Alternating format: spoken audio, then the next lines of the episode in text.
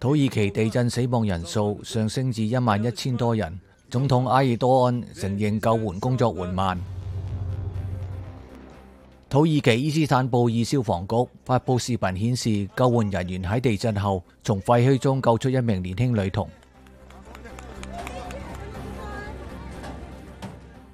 联合国车队喺刚果东部遭到袭击，造成至少三人死亡。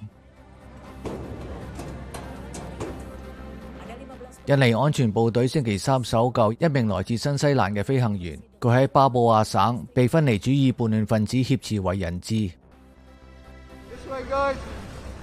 乌克兰总统泽连斯基同英国首相申伟成会谈，此行正值英国将培训乌克兰飞行员使用北约标准战机。